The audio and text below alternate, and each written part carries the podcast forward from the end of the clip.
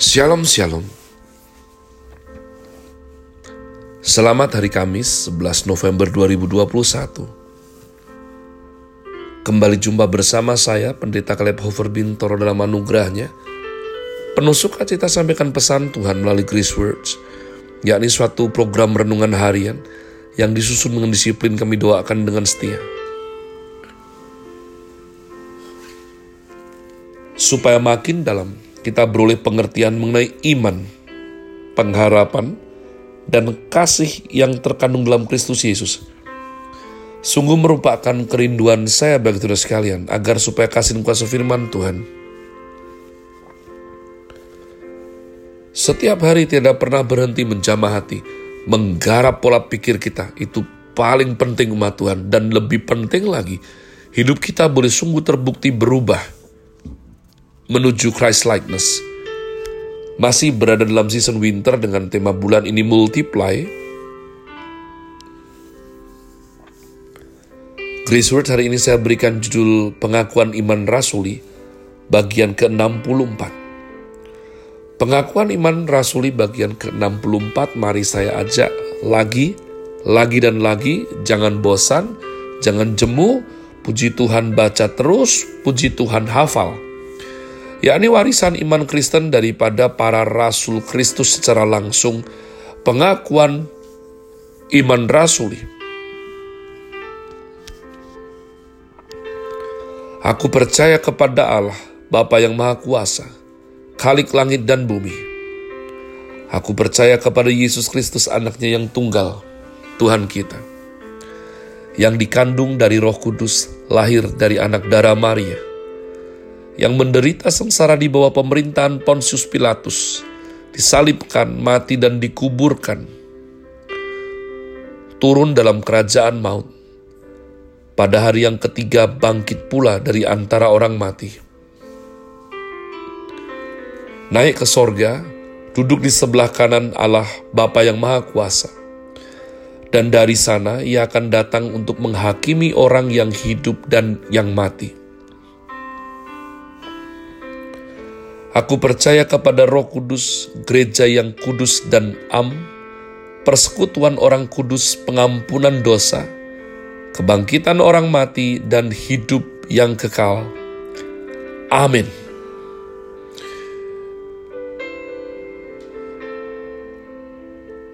Ada saat di mana Tuhan Yesus berkata kepada Pilatus, ini masih dalam rangka kalimat keenam umat Tuhan, kalimat kelima ya bahwa Yesus menderita di bawah pemerintahan Pontius Pilatus.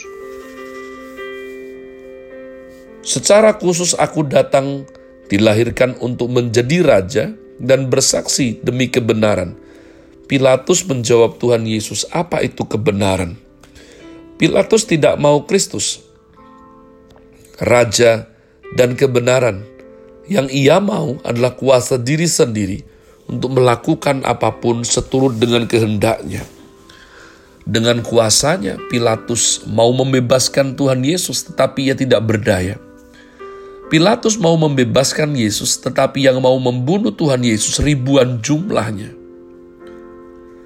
Tuhan Yesus mau dibunuh oleh orang-orang yang menyembah Allah. Perhatikan, Hari ini banyak orang yang datang ke gereja untuk menyembah Yesus, tetapi mungkin tanpa sadar, tanpa sadar, justru mereka menginginkan untuk membunuh Tuhan Yesus. Siapa Yesus? Sang kebenaran. Mereka menginginkan membunuh sang kebenaran. Kenapa? Karena mereka sibuk untuk cari berkat mereka sibuk untuk usaha paling berhasil, paling sukses, paling hebat. Tidak usah pakai kebenaran, bunuh saja kebenaran. Jadi umat Tuhan, kita tidak bisa mempercayai Yesus hanya sebagai berkat, berkat, dan berkat. Karena Tuhan Yesus sejatinya sifatnya adalah the righteousness, sang kebenaran. Jadi, ber, berbicara, mengenal, belajar untuk tahu mengenal Tuhan kita, Kita tidak boleh cropping comot, comot, comot, suka yang sini, buang yang tidak bisa. Sifat Allah adalah kesatuan. Penuh kasih namun juga adil. Ketika Bapak Musa turun dari atas gunung, membawa kedua loh batu, di tengah perjalanan ia mendengar banyak sekali suara di bawah. Bapak Musa bertanya kepada asistennya, Yosua, suara apa itu? Meskipun Yosua seorang jenderal, tetapi dalam hal seperti ini ia menjawab kurang jelas. Ia berkata, itu suara peperangan. Bapak Musa jawab, bukan, bukan. Itu adalah suara penyembahan dan puji-pujian. Perhatikan. Di lingkungan gereja tertentu, ya banyak yang berkata, percayalah kepada Yesus, maka kamu pasti kaya berhasil. Maka banyak orang kemudian datang percaya kepada Tuhan. Siapa Allah mereka? Bukan Tuhan Allah, tetapi berhala dalam hati mereka, yaitu mau kaya, mau kaya, mau kaya Ketika turun dari gunung, mereka melihat Israel sedang menyembah sebuah patung lembu yang terbuat dari emas, yang bahkan dibuat oleh Harun umat Tuhan. Banyak orang berkata, sekarang aku ke gereja untuk menyembah Tuhan, mendengarkan pendetanya berkhotbah. Jika pendetanya salah iman, mereka pun akan ikut menjadi salah iman. Anda bertanya kepada siapa aku harus percaya? Tuhan yang disebutkan Musa, ialah dia yang menurunkan Taurat kebenaran dan bersikap ketat terhadap manusia yang berdosa. Sedangkan Tuhan yang disampaikan Harun, ialah yang diwakili patung seekor lembu. Kaum Israel menyerahkan emas mereka kepada Harun, Lalu ia membuat seekor lembu dari emas-emas mereka dan berkata, Inilah Tuhan yang membawa kalian keluar dari Mesir. Seturut namanya. Orang Yahudi sepertinya masih menyembah Tuhan, tetapi Tuhan yang sejati bukan patung lembu. Maka mereka sebenarnya menjadikan yang lain itu menggantikan Tuhan yang benar. Bapak Musa berkata kepada Yosua, suara itu bukan suara peperangan, itu suara pujian dan penyembahan. Agama Kristen merupakan agama yang menyanyi, ya. Menyanyi merupakan liturgi dalam agama Kristen. Dalam kekristenan banyak musik yang begitu indah, begitu agung Allah sejati ialah Allah yang mau disal, mati disalibkan bagi kita. Tetapi yang disembah oleh oknum-oknum Kristen adalah ilah yang menjadikan mereka kaya, lancar, berhasil, dan sebagainya, dan sebagainya. Perhatikan, Allahnya Musa tidak tampak Musa naik ke gunung Sinai 40 hari dan tidak turun-turun.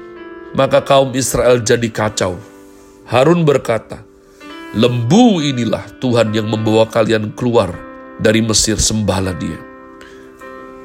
Maka mereka pun memuji dan menyembah Tuhan lembu itu. Melihat keadaan seperti ini, maka Musa marah. Musa melemparkan kedua loh batu itu dan patung itu dikatakan meledak umat Tuhan. Pada saat Allah murka, jarang sekali hamba Tuhan yang mau mewakili Allah murka. Saat Allah murka, Harun dan Yosua tidak tahu, hanya Musa yang tahu. Saat Musa melempar kedua loh batu itu, Allah tidak marah kepada Musa, betapa besar dosa memecahkan kedua loh batu yang di atasnya ada tulisan tangan Allah sendiri. Perhatikan. Tapi Allah tidak marah. Umat Tuhan, ingatkah engkau ketika tabut perjanjian ya secara salah itu disentuh oleh tangan daripada pegawai Raja Daud dan orang itu langsung mati karena tabut perjanjian itu menggambarkan kehadiran Tuhan. Bayangkan dua loh batu ini yang nulis tangan Allah sendiri, tetapi Allah tidak marah. Karena kemarahan Musa adalah kemarahan Allah juga. Allah dan Musa sama-sama murka. Di sinilah saya menemukan istilah holy angry, marah yang suci. Inilah kemarahan yang diperkenan Allah umat Tuhan. Sukacita, cinta kasih, ataupun kemarahan Allah haruslah menjadi fondasi emosi kita karena saat Allah murka, jarang sekali ada pendeta yang berani turut murka. Mereka takut tidak disenangi orang. Tapi Musa tidak peduli. Ia menghancurkan kedua loh batu dan berkata, Tuhan, umatmu telah meninggalkan engkau. Mereka menyembah lembu emas dan berkata bahwa sedang memuji Tuhan. Tuhan, engkau sudah melihatnya Tuhan berkata, Musa, beritahu mereka, bunuhlah mereka yang menentang aku. Musa datang ke tengah-tengah mereka. Kalian telah menentang Allah, tidak lagi menyembahnya, tetapi menyembah dan memanggil lembu emas sebagai Tuhan. Sekarang Allah telah murka. Kalian harus membunuh saudaramu sendiri. Hari itu juga, hari itu suku Lewi dipakai Tuhan membunuh sekitar 3.000 orang yang menentang Tuhan. Setelah membunuh mereka, baru surutlah murka Allah. Dan ia berkata, Lewi, aku memilihmu menjadi hambaku. Jadi umat Tuhan. Kita harus mengerti bahwa Allah adalah Allah yang kasih. Tapi kasih Allah ialah kasih yang membenci kejahatan. Cemburu tidak suka mengizinkan manusia menyembah yang lain. Saya berdoa ini boleh menjadi fondasi iman kita dalam rangka kita makin percaya kepada Yesus Kristus sebagai Tuhan, anak Allah yang dilahirkan dari darah Maria. Have a nice day. Tuhan Yesus memberkati saudara sekalian.